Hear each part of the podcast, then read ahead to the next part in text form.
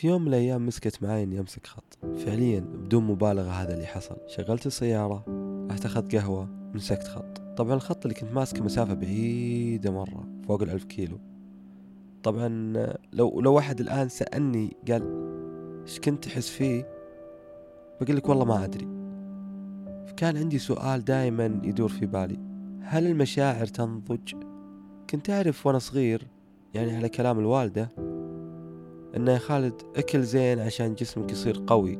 وأبوي كان يقول لي ذاكر يا ولدي زين وحاول تفهم زين عشان يعني عقلك يصير أقوى وتصير تفكر زين وزي كذا وتصير أحسن.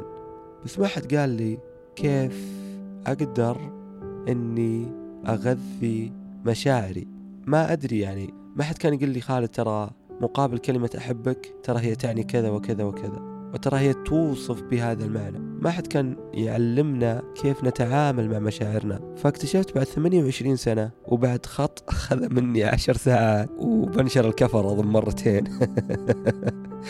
وكلمت المرور وهزئوني أو مش المرور نسيت اسمهم والله. تهزأت كثير ذاك اليوم. اكتشفت إن المشاعر تنضج فعليا. في كل فترة عمرية راح تمر بمشاعر مختلفة. في كل فترة عمرية راح يتم تعريف بعض المعاني لديك بتعريفات أعمق من الفترة السابقة. بما معنى؟ إذا أنت عمرك صغير كنت تقول أحبك بس أنك ما أنت فاهم إيش معنى أحبك ماخذ الموضوع آه، طقطقة وضحك وكذا.